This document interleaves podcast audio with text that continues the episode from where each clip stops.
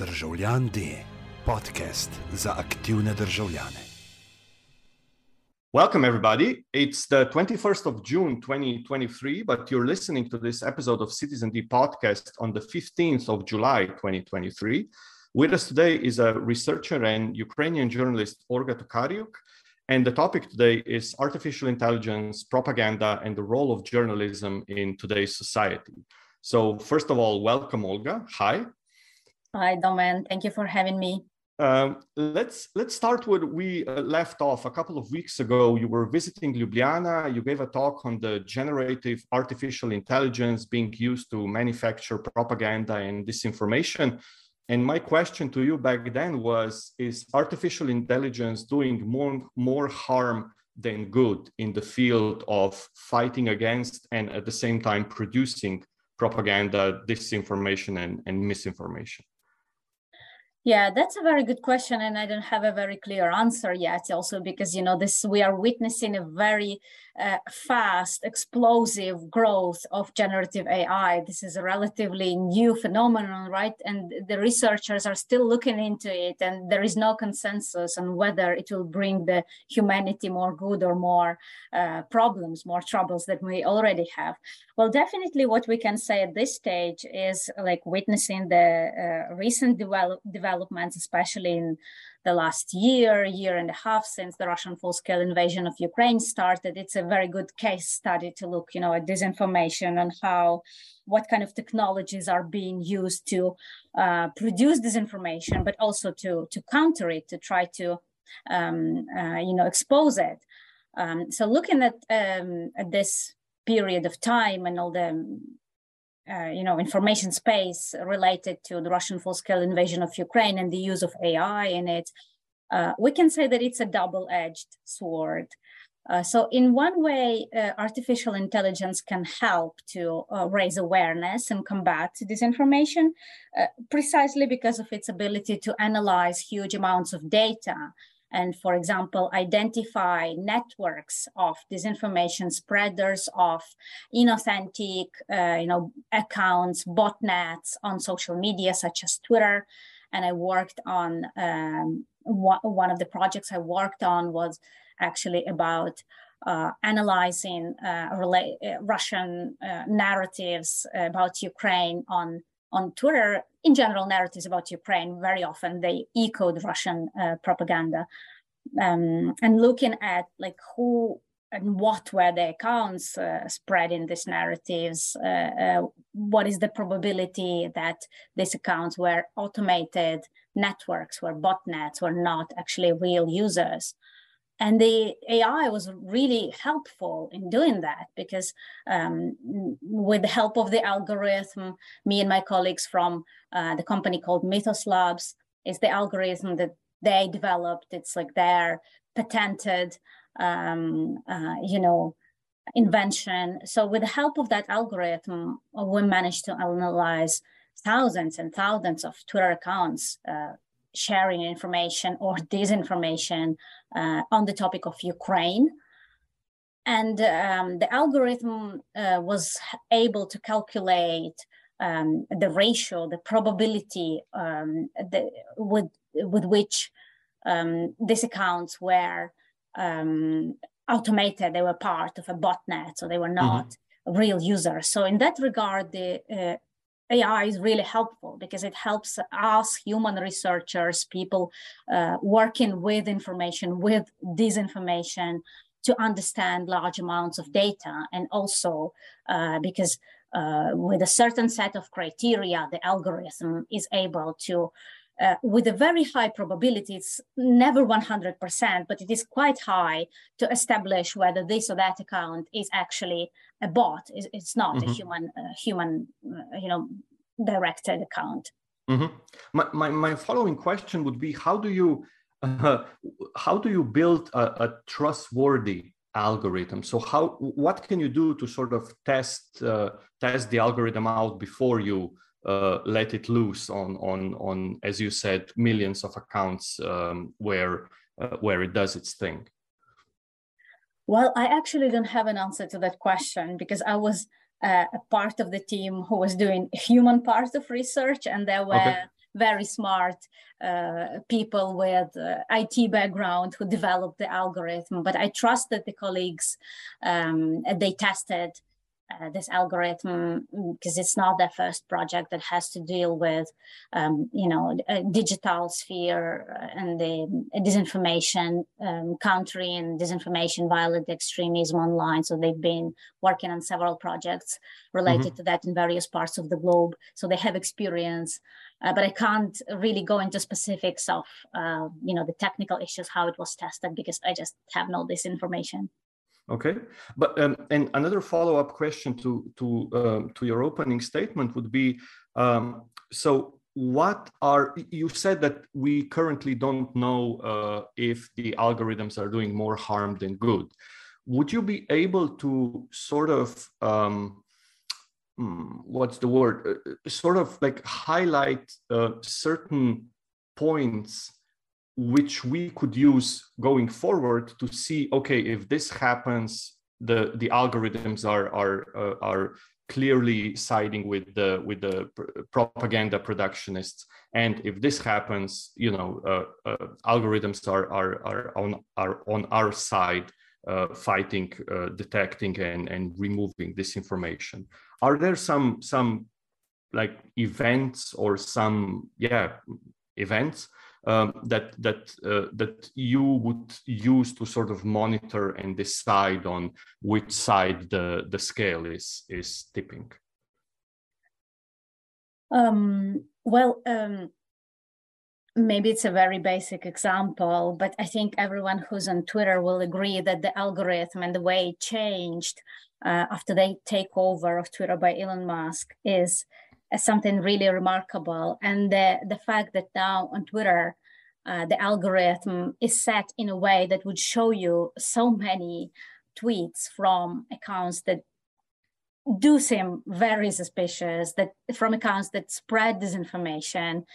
Um, I think it, it's a very like blatant uh, example of how a change in algorithm can transform a platform that was considered trustworthy, that was considered to take disinformation seriously, into something that is increasingly um, looking like a swamp for all sorts of disinformation, which is not being countered in any way and which is not being taken seriously enough by the present uh, owners and management of uh, the social media platform. And this is a huge disappointment because I think, uh, you know, uh, um, as I said, like AI can be used in both ways, right? We can use it to counter disinformation, but it can also be used to help spread uh, disinformation. But once we kind of overlook um, how serious the issue of uh, disinformation is, that we should not just like tell people and the broader public raise awareness about it like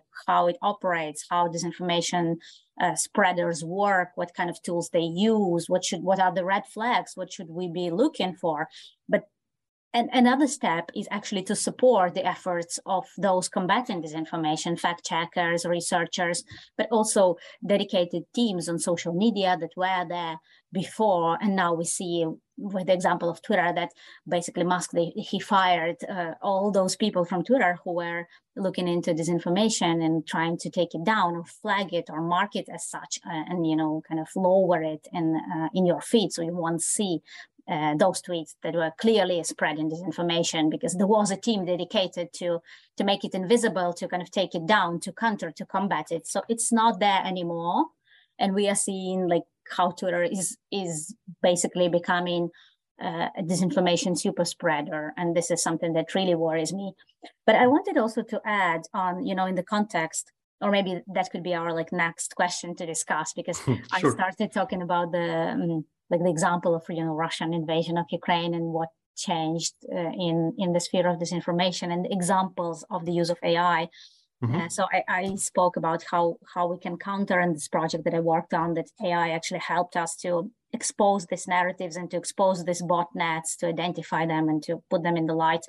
Um, but this um, the last year and a half it also showed us how AI can be used to uh, facilitate the spread of disinformation and and so so would you say that uh, mm, My, my next question was actually in, in connection with, with the things that you just said. So with the spread of AI and, and the responsibility or the role of um, of uh, big content platforms of of uh, big uh, digital intermediaries.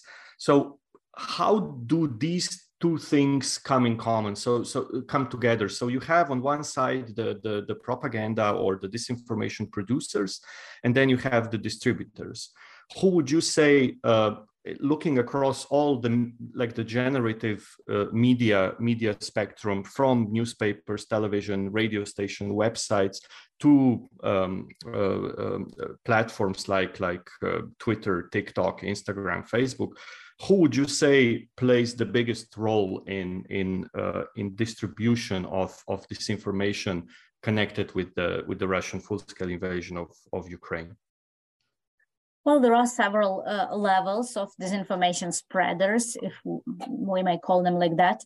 Um, so the top of uh, um, the ladder would be uh, Russian officials, so Kremlin and you know Russian president, and all his clique that would be just throwing in the narratives uh, that Ukrainians are Nazis or Ukraine is an artificial state or that um, you know Russian speakers are somehow oppressed in Ukraine. All these sorts of things that um, well Russian dictator Putin used to justify his full-scale invasion of Ukraine. Uh, but these narratives will, would then be picked up uh, by um, many actors um, in um, on, on social media there are um, some very influential people um, super spreaders influencers who would echo these narratives in in different countries basically there would be these people uh, uh, who would be sharing uh, this sort of uh, this sort of narratives. Then there would be a network of russian funded uh, state media such as RT, Sputnik, um, these propaganda tools have been taken down in the most of the Western world, but they are still very active outside of the Western world in the global South. For example, they are even expanding in countries such as uh, South Africa. They are expanding in the Balkans. They are expanding in Latin America. Um, in Africa, they have a lot of influence um, beyond South Africa.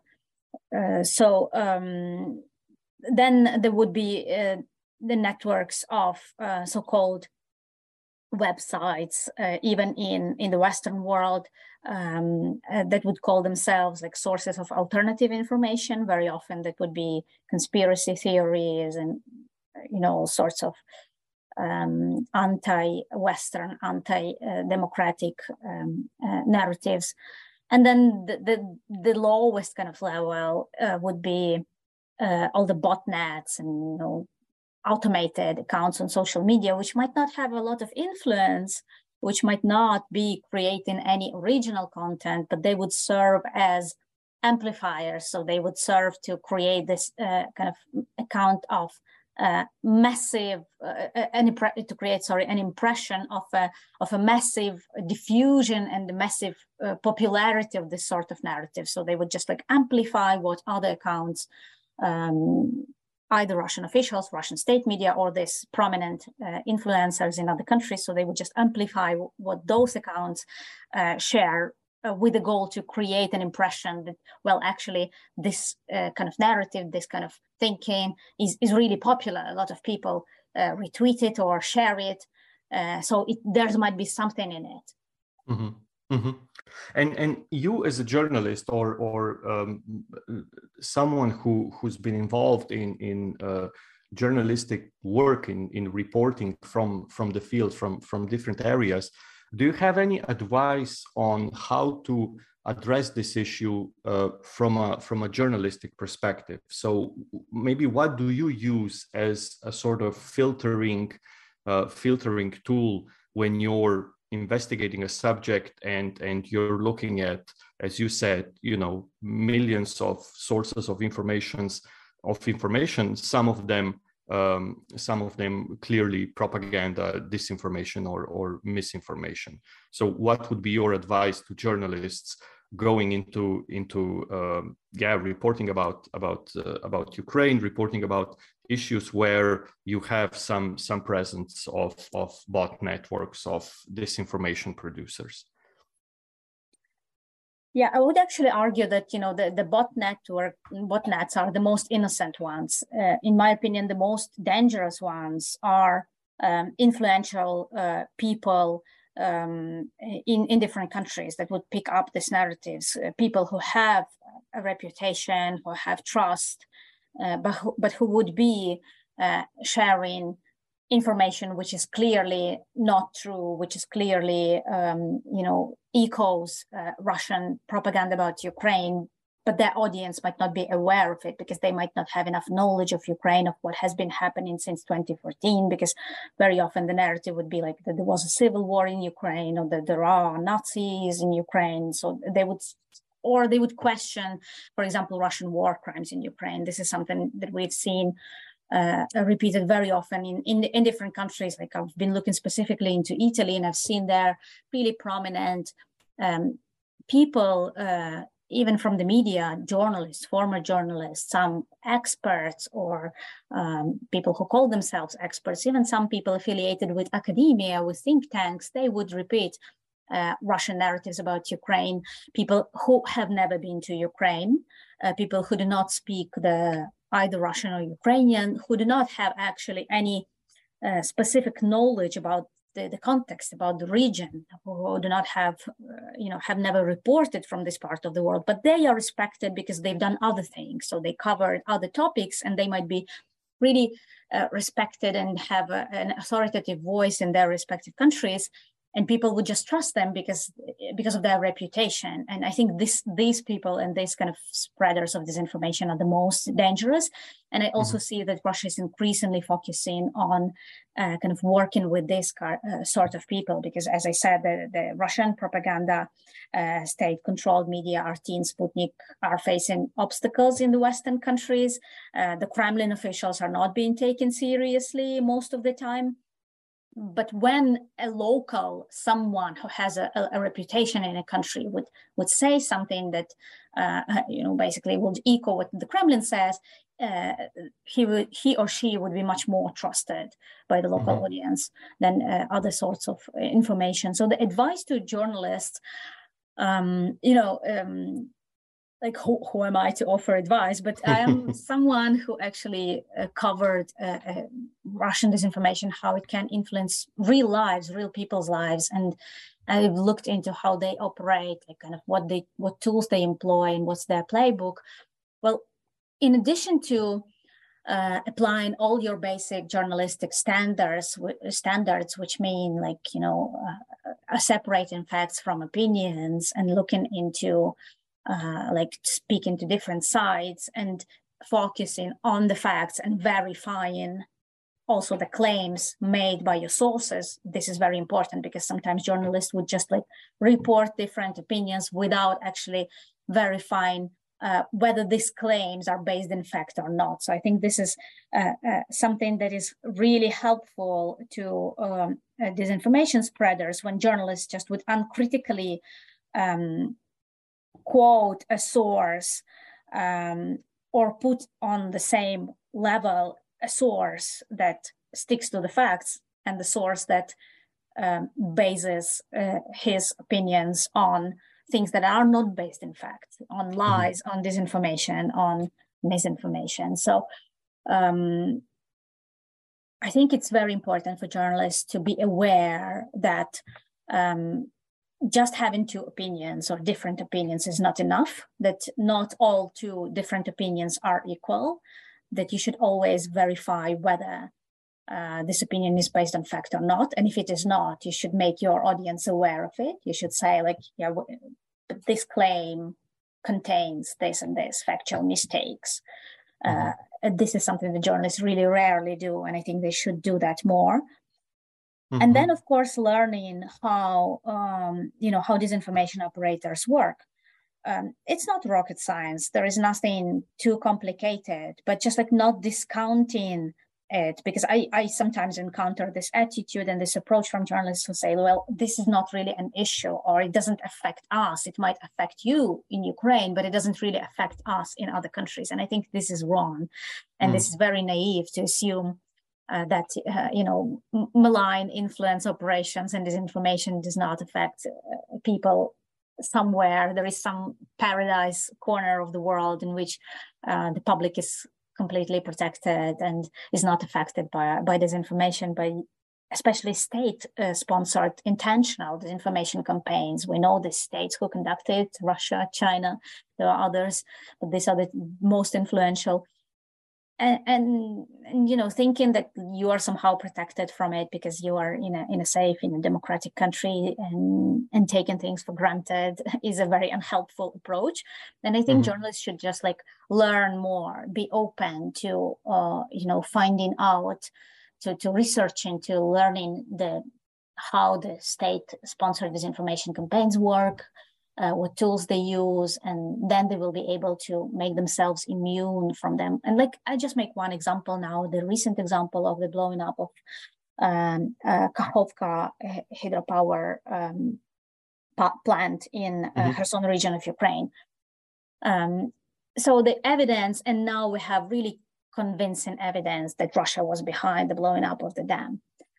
But the titles we've seen in the media in the days, in the first hours, but in the follow in the days following the, uh, the this catastrophe, were very ambiguous. Even the most uh, credible international media, such as New York Times, they put uh, things like uh, both sides blame each other, or Ukraine and Russia blame each other for blowing up the Kakhovka Dam, mm-hmm. which I think is really first, it's a bad journalism, and second, it's really playing and really helping those who are you know spreading disinformation because um, if you look at the facts like russia has been controlling the dam. Russia made repeated uh, threats to blow up the dam. Russian military bloggers immediately after the dam was blew up boasted about it on their telegram channels and their social media. Um, to make an explosion of such a magnitude you would need to put a lot a lot of stuff in there, a lot of explosives in there. And if Ukraine did not have control to that area, it was physically impossible for Ukraine to do it. And then, of course, if you look like at the consequences of that, which are catastrophic, completely catastrophic, Ukraine, south of Ukraine is uh, will most likely become a desert in the coming years because it will be deprived of this vital source of water, uh, mm. which is detrimental, hugely detrimental to the Ukrainian agricultural sector, to the Ukrainian economy in general. The Ukrainian economy relies heavily on agriculture. So mm. if you look even at, at, at, just this thing that I've listed, you know, you should ask yourself, like, what's the reasoning for Ukraine to blow up the dam? And if you're only basing like it on uh, on the you know the statement of the Kremlin, which said that Ukraine blew up the dam, so are we still taking the Kremlin statement seriously after a year and a half of terrible atrocities in Ukraine that Kremlin keeps denying after a year and a half of incessant lies from Russian officials, why would the media still treat the statement coming from the Kremlin with the same approach and with the same give it the same credibility as it would give the statement coming from the Ukrainian side? So I think this is really for me very worrying. This like latest example because for me it's it, it you know shows that journalists unfortunately do not learn from their own mistakes because we've seen the same things in 2014 with the you know uh, shooting down of the Malaysian uh, airplane MH17 flight over Donbass. Again, the, the you know the media coverage was like both sides blame each other, although in, in the same way as with Kakhovka Dam, uh, there was overwhelming evidence pointing to Russia, and then it was after years confirmed in in the court uh, in, in Hague that actually it was Russia, it was the order coming from the Kremlin directly to uh, shoot that plane down. Uh, mm. But many people, you know, the, the, like the court decision comes after years and years, and many people forget about it. But they would have this kind of impression that, well, we don't really know who did it and even if, you know, after years, there is a proof that, well, actually it was Russia who done it, but this initial reaction in the media and this initial kind of both sideism, putting, you know, blame and saying, well, we don't really know what happened. This is something that is like really dangerous and it sticks because one of the goals of um, you know russian propaganda is not as much to convince the people of something but to actually confuse them to dissuade them to make them believe in nothing to make them tr- uh, trust nothing to make them question everything. And as a, con- as a consequence of all this to prevent them from taking a position and from taking action. Because they would say mm. well we don't really know what's happening. Well maybe ukraine did it so we shouldn't support ukraine because well we don't really know. Maybe ukraine is the same as russia. Mm. this this segues into into my next question perfectly. So so i want to i want to hear your thoughts on the issue of uh, I named the, the problem myth building in, in journalism. It seems on, on one side, we have all of the artificial intelligence, we have the, I guess you could call it natural intelligence, we have all these tools, we have all this access to information sources uh, on, a, on a global scale. And at the same time, it seems that myths are I'm not going to say not going away, but they they they represent one of the most important um, things in in you know developing um, developing storylines or or explaining things that are happening around the world. We saw that with the with the COVID pandemic and the the uptake of of anti-vax propaganda and disinformation.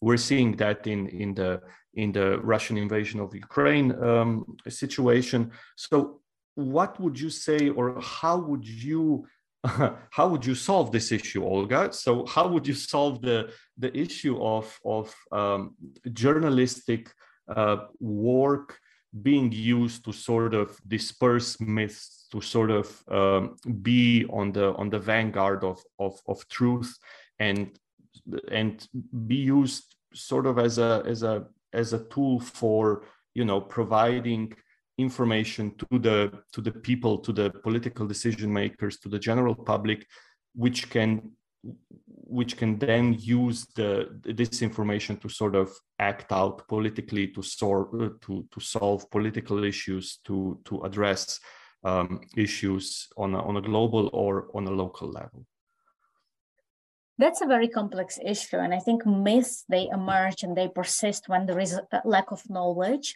and whether when there is a lack of understanding or maybe even you know the information is not really relatable. So it is easier to believe in a myth because it might be more easy to uh, you know it might it might explain things in an easier way in a more believable way um, and you know when i'm thinking about like the myths in the context of ukraine and you know russia i'm thinking not just about like journalism and current uh, issues that we face with disinformation, at least since 2014, but with a, a more intensity since uh, February 2022.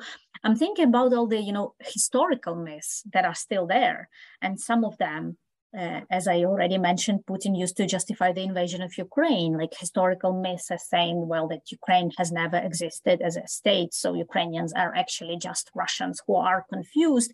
So we need to kind of re educate them and bring them back with, with our kind weapons. Um, and I think that the, this uh, um, issue of like this historical myth pers- persisting and the fact that many people in the world, they they still kind of believe, um, at least partially, the narrative that well, Ukrainians and Russians are well, aren't they the same people? Are your languages really different? Something you know, the question that I get all the time.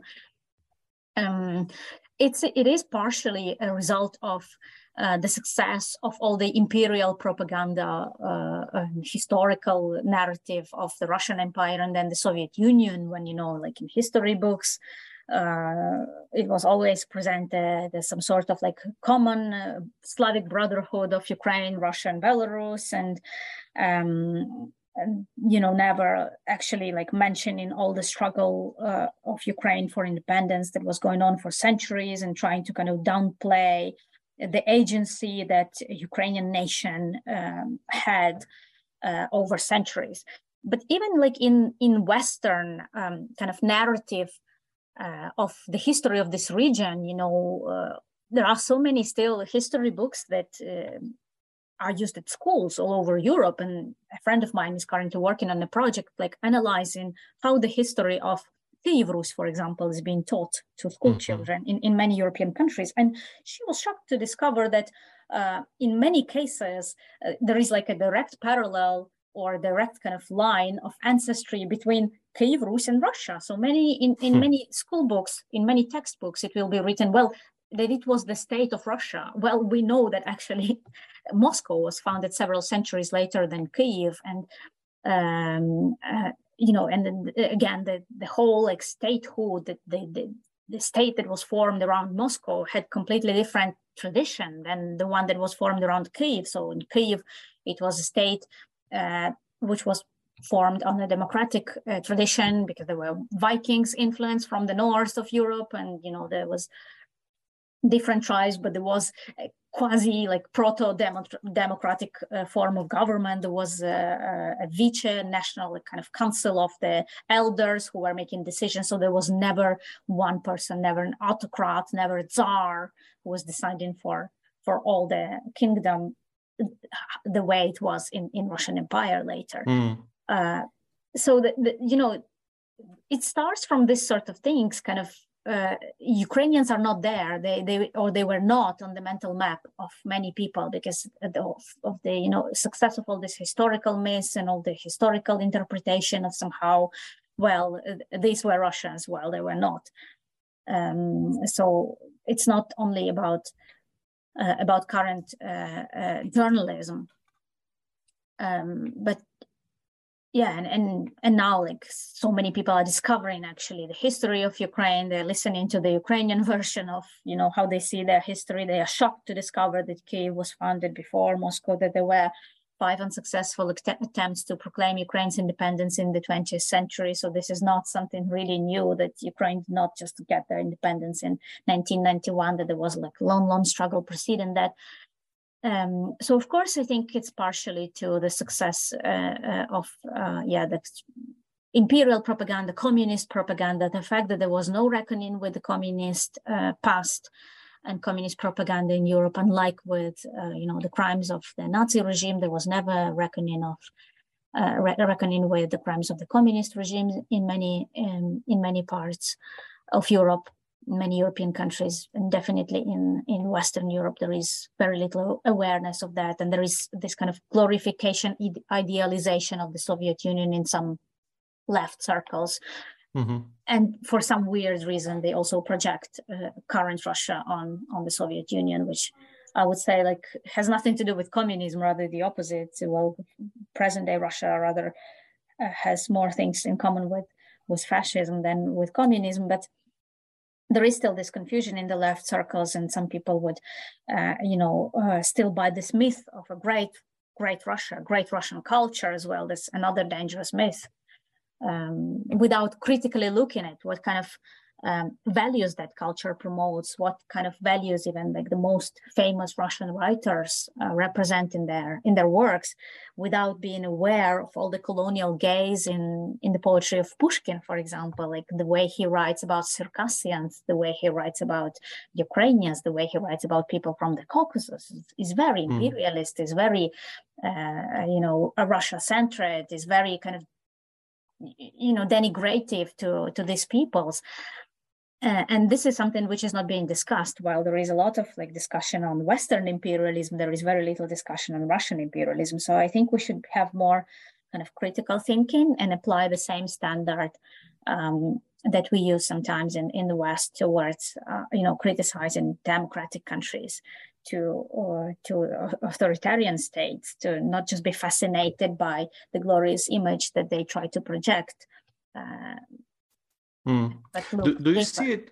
Do you see it as a as a before we we move forward? I just want to one sub question. Do you see it as a as a generational issue as well? So would you say that these images of of um, of Great Russia, of uh, you know uh, connections with the communistic and, and socialistic regimes, do you think that is more uh, present with with say let's say the, the older generation or or the elderly who who went through um, who went through the, the communistic socialistic period themselves, who maybe went through through Second World themselves, or do you see that transitioning to to younger generations uh, as well, who maybe have no first-hand or even second-hand experience with uh, with everything you've you've just described?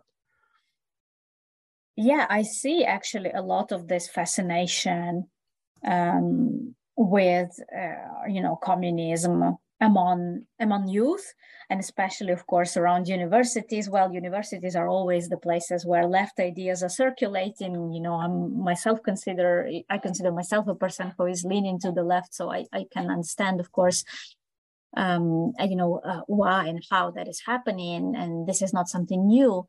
But i think really there, there is like a, a, what what is a dangerous thing is that uh, while uh, you know definitely there are a lot of uh, great ideas on the left side of the political spectrum. I think there is not enough critical approach to the past and to the you know communist regimes. Um, uh, definitely not enough critical uh, approach or to you know to the soviet union. And and like when I was a student in, in Italy, I studied at the University of Bologna. It was really shocking to me to see uh, my fellow students, Italians, who were literally wearing necklaces with hammer and sickle. You know, they were communists, they were proud of it, but they were wearing symbols of a totalitarian, totalitarian, authoritarian state that uh, killed millions of people.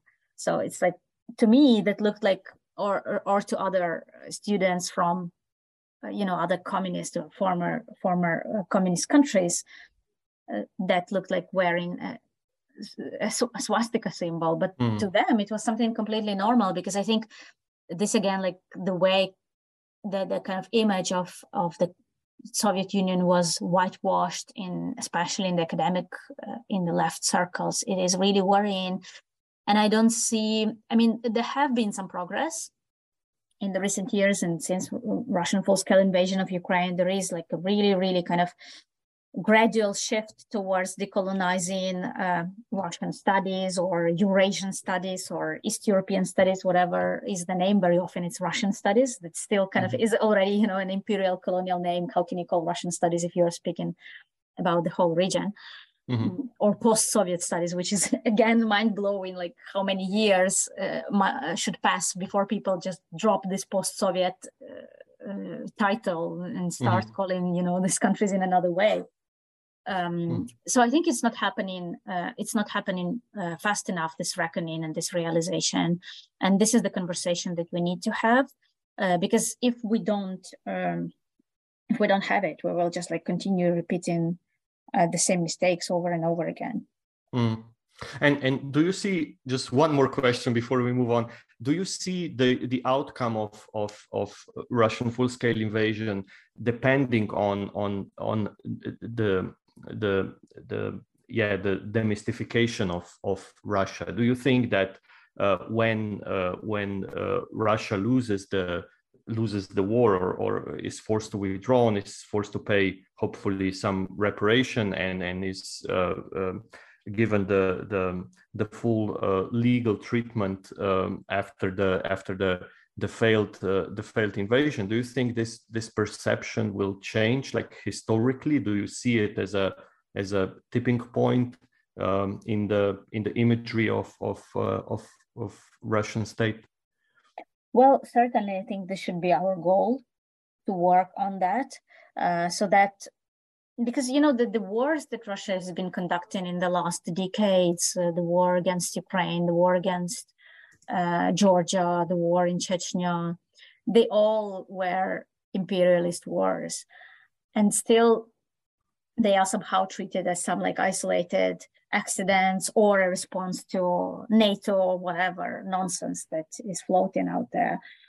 Um, but like Russians, every time basically they they never had um, the, the, ambitions to gain like more territories, more resources, and like they are openly claiming that these are our lands, uh, and that you know this uh, that Ukrainians do not have a, a, right to exist, for example, or Ukrainian independent state does not have a right to exist. This is a completely like imperialist rhetoric. So Mm. I think once there is a kind of realization of that the wider that the root cause of all this is uh, this imperialist attitude that Russia has not been decolonized and you know it didn't abandon its imperialist mindset, and that is not only shared by Putin or the Russian elite, so-called elite, but that it is widely shared on all levels of Russian society. It is even shared by some Russian so-called liberals, by some representatives of Russian opposition. So, which is sometimes taken very uncritically outside of Russia, and very welcomed and supported. But when you dig deeper and look into like what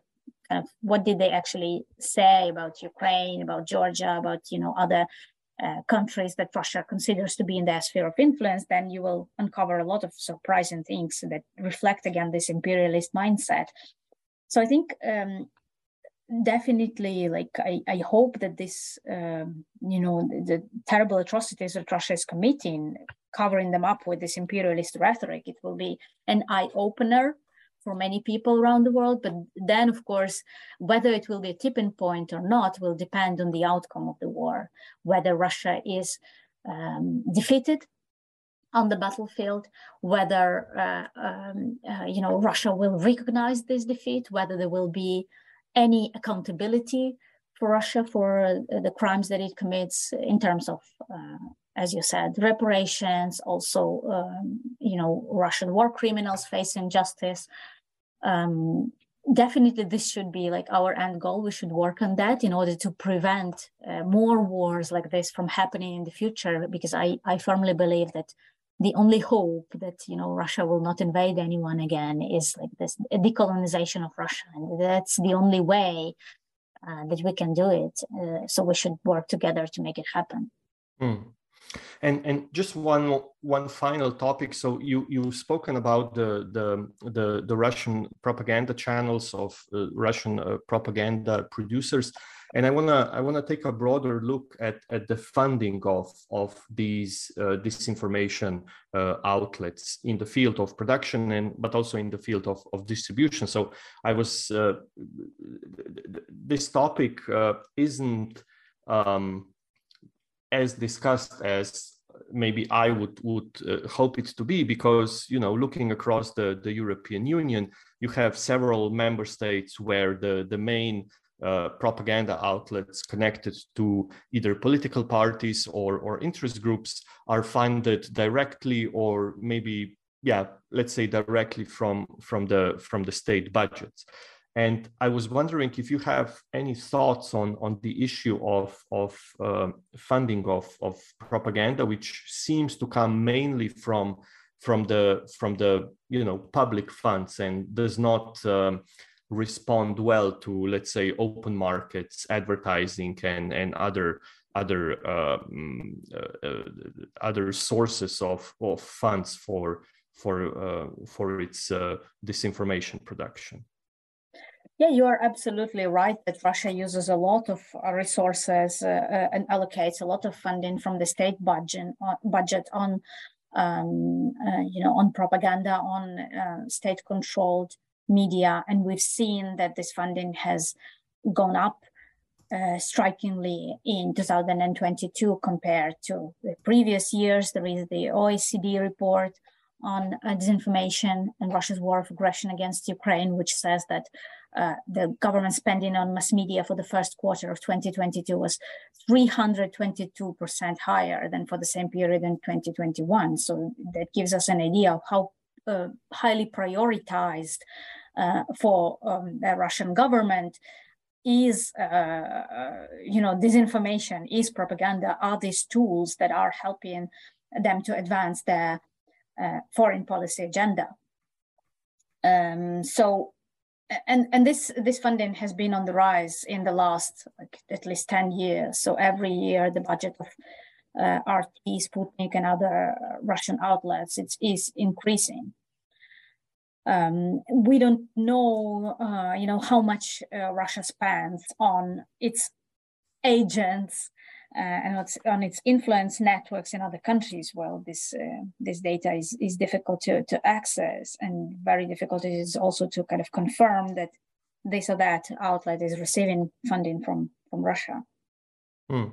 But there have and, been studies yeah. made on links between uh, different uh, websites uh, in, in, in other countries, in Western countries, uh, and some Russian individuals who are directly linked to the Kremlin and who might be funding this these outlets.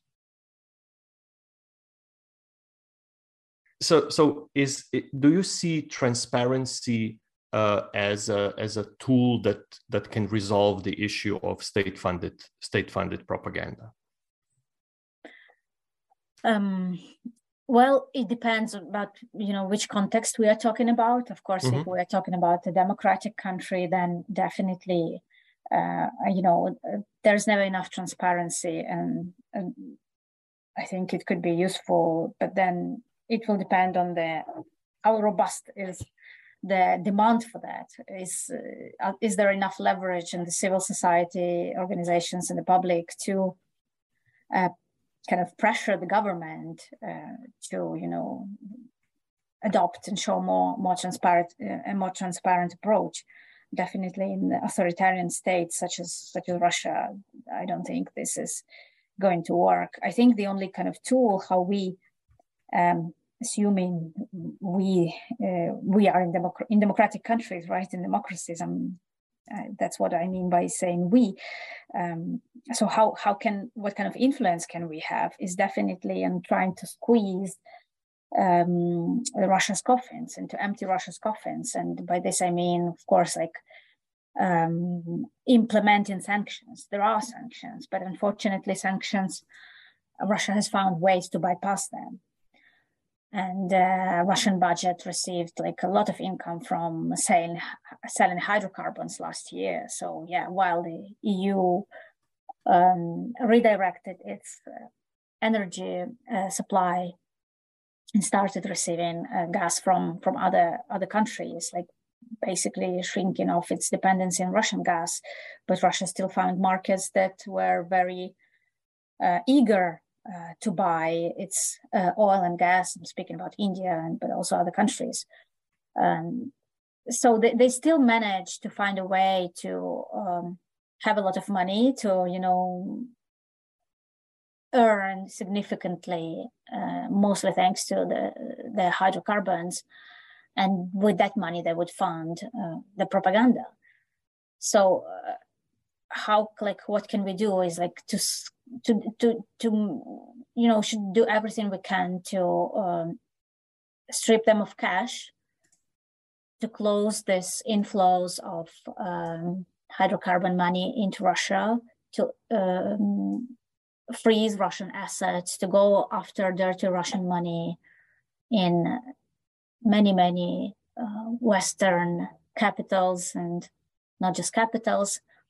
So there is still a lot of homework to do, I think. Um, but just like, yeah, transparency is something that could work in in democratic societies. But if you really want to counter the source and the root issue, then uh, you should really focus on defunding Russia's state budget and depriving it of money that uh, help to finance propaganda. Mm. Okay. Um, thank you, Olga, for for uh, sitting down with us and uh, for for answering uh, answering the questions. Uh, best of luck with uh, your work uh, moving forward. this has been um, um, Citizen D podcast episode. We're offline or off the air in in August, but we're coming back in in September. So hope to see and and hear you then. Thank you, Olga. Thank you.